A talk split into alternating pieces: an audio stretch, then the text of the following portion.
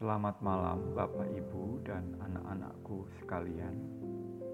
Kembali kita bertemu dalam doa bersama malam ini 2 Juli 2020. Marilah kita siapkan hati dan pikiran kita bersama-sama kita kumandangkan di dalam cinta.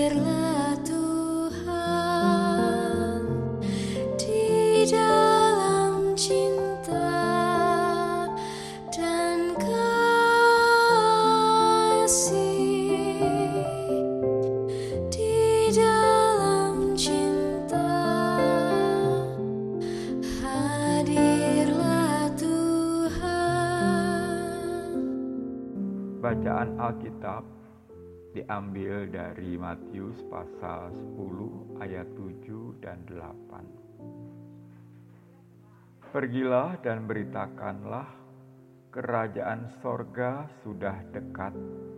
Sembuhkanlah orang sakit, bangkitkanlah orang mati, tahirkanlah orang kusta, usirlah setan-setan kamu telah memperolehnya dengan cuma-cuma. Karena itu berikanlah pula dengan cuma-cuma. Bapak, Ibu, dan anak-anakku sekalian, demikianlah perintah Sang Guru kepada para muridnya. Yesus memerintahkan mereka untuk pergi. Pergi berarti mereka harus bergerak. Mereka tidak boleh diam mereka tidak boleh terpaku. Sekali lagi, mereka harus bergerak. Mungkin persoalannya memang di sini. Kenyamanan, kemapanan, juga ketakutan terhadap ketidakpastian kadang membuat banyak orang lebih suka diam. Kata anak zaman sekarang, mager, malas bergerak. Namun itu tidak berlaku bagi para murid karena mereka adalah rasul. Artinya orang yang diutus. Dan diutus selalu mengandaikan adanya gerak. Menarik disimak bahwa mereka tak asal pergi atau tak asal bergerak. Mereka diutus untuk memberitakan bahwa kerajaan surga sudah dekat kerajaan surga sudah dekat bisa diartikan bahwa pemerintahan Allah sebagai raja sudah hadir di dunia ini. Untuk itu, para murid diminta pula memberitakan kehadiran Allah sebagai raja itu tak hanya dengan kata, tetapi juga dengan karya.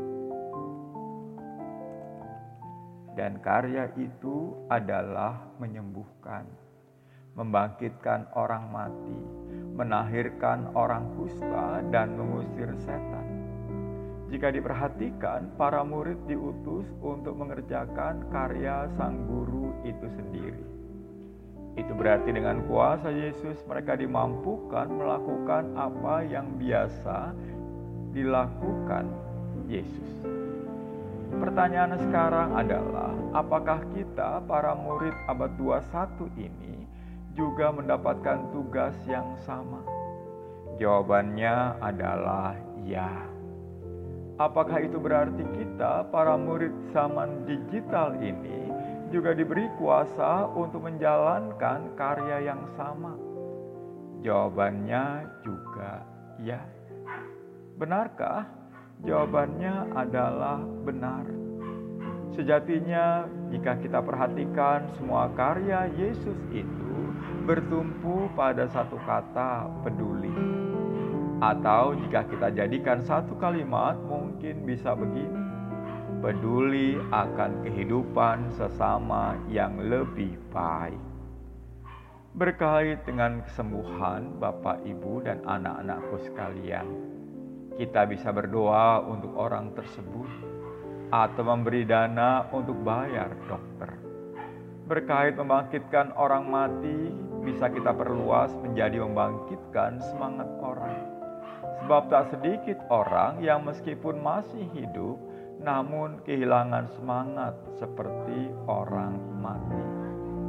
Berkait ketahiran, kita bisa menerima orang lain apa adanya, sehingga dia tidak merasa dikucilkan. Berkait pengusiran setan, kita bisa melepaskan orang dari semua belenggu yang mengikatnya. Dan sesungguhnya kita butuh kuasa Allah untuk melakukannya itu. Sekali lagi, semuanya bertumpu pada kata peduli. Dan yang tidak boleh dilupakan adalah karena kita telah memperolehnya dengan cuma-cuma, maka kita pun harus memberikannya dengan cuma-cuma. Artinya, tanpa pamrih. Amin. Mari bersama kita mengumandangkan doa Bapa kami.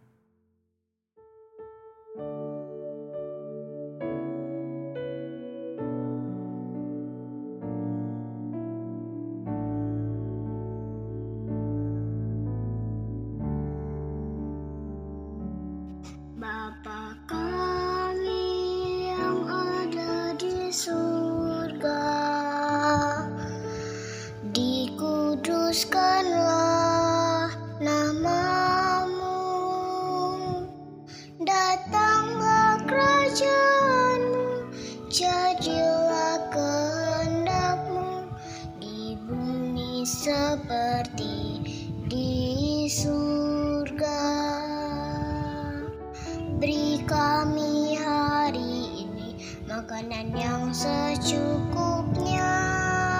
Ampuni salah kami, seperti kami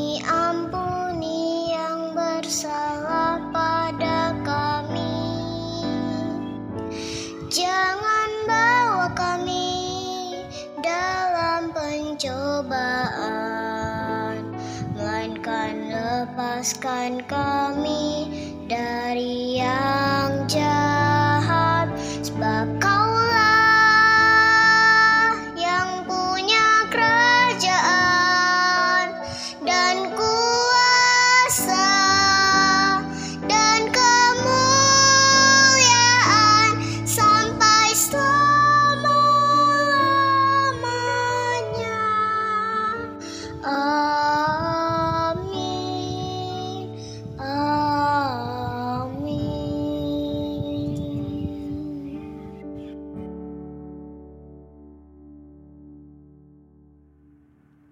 Tuhan, Allah kami, mampukan kami untuk siap diutus, untuk pergi dan memberitakan bahwa kerajaan sorga sudah hadir sekarang ini.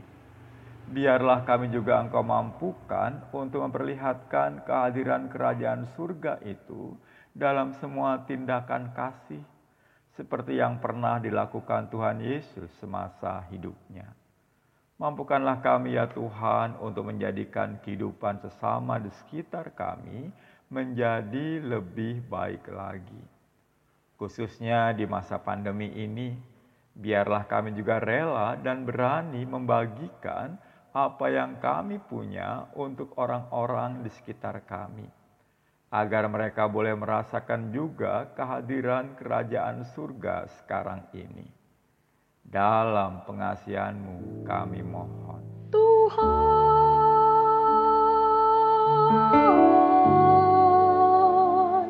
dengarlah doa kami.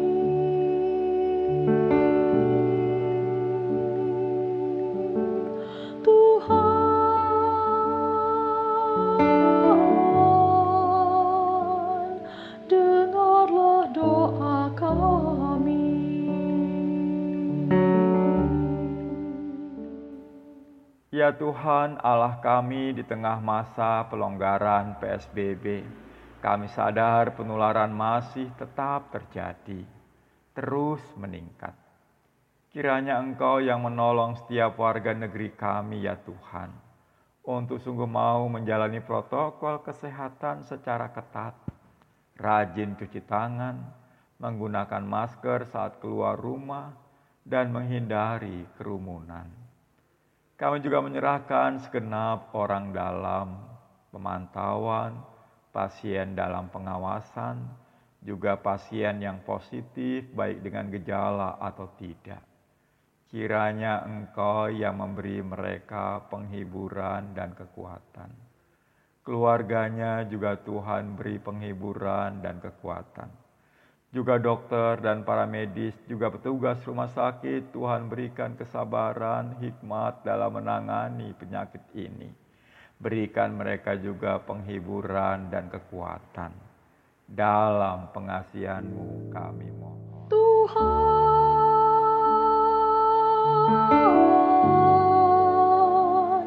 dengarlah doa kami.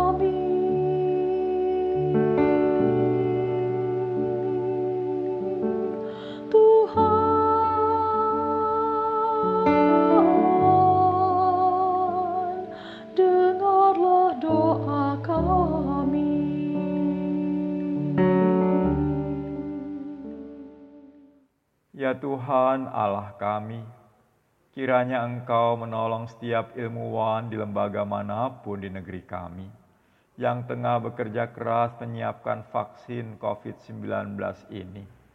Karuniakanlah hikmatmu, ketelitianmu, ketekunanmu, kesetiaanmu, kepedulianmu, juga kasihmu kepada mereka. Kami sungguh rindu ya Tuhan, vaksin ini boleh dapat ditemukan dengan lebih cepat, sehingga banyak orang dapat terbebas dari penyakit ini. Berikanlah kemampuan kepada pemerintah bangsa kami untuk mengambil tindakan-tindakan, kebijakan-kebijakan terbaik dalam pandemi ini. Kami menyadari ya Tuhan, pandemi ini bukan hanya persoalan kesehatan, tetapi juga ekonomi dan akhirnya menjadi persoalan politik juga. Biarlah setiap kebijakan yang diambil pemerintah bangsa kami sungguh-sungguh bermanfaat bagi segenap rakyat Indonesia.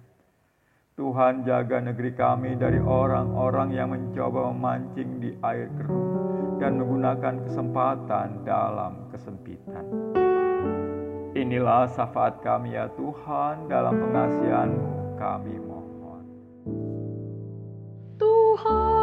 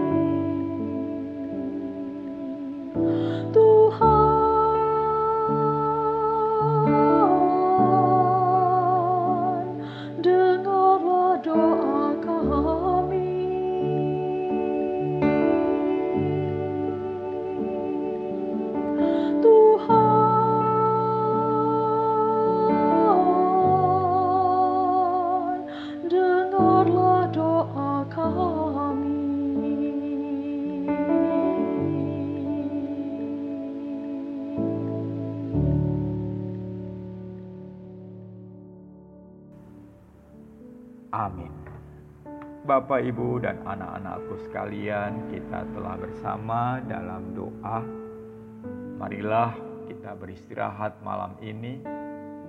Mohon berkat Tuhan agar besok kita dibangunkan dengan tubuh yang lebih segar dan siap menyambut berkat Tuhan. Tuhan memberkati.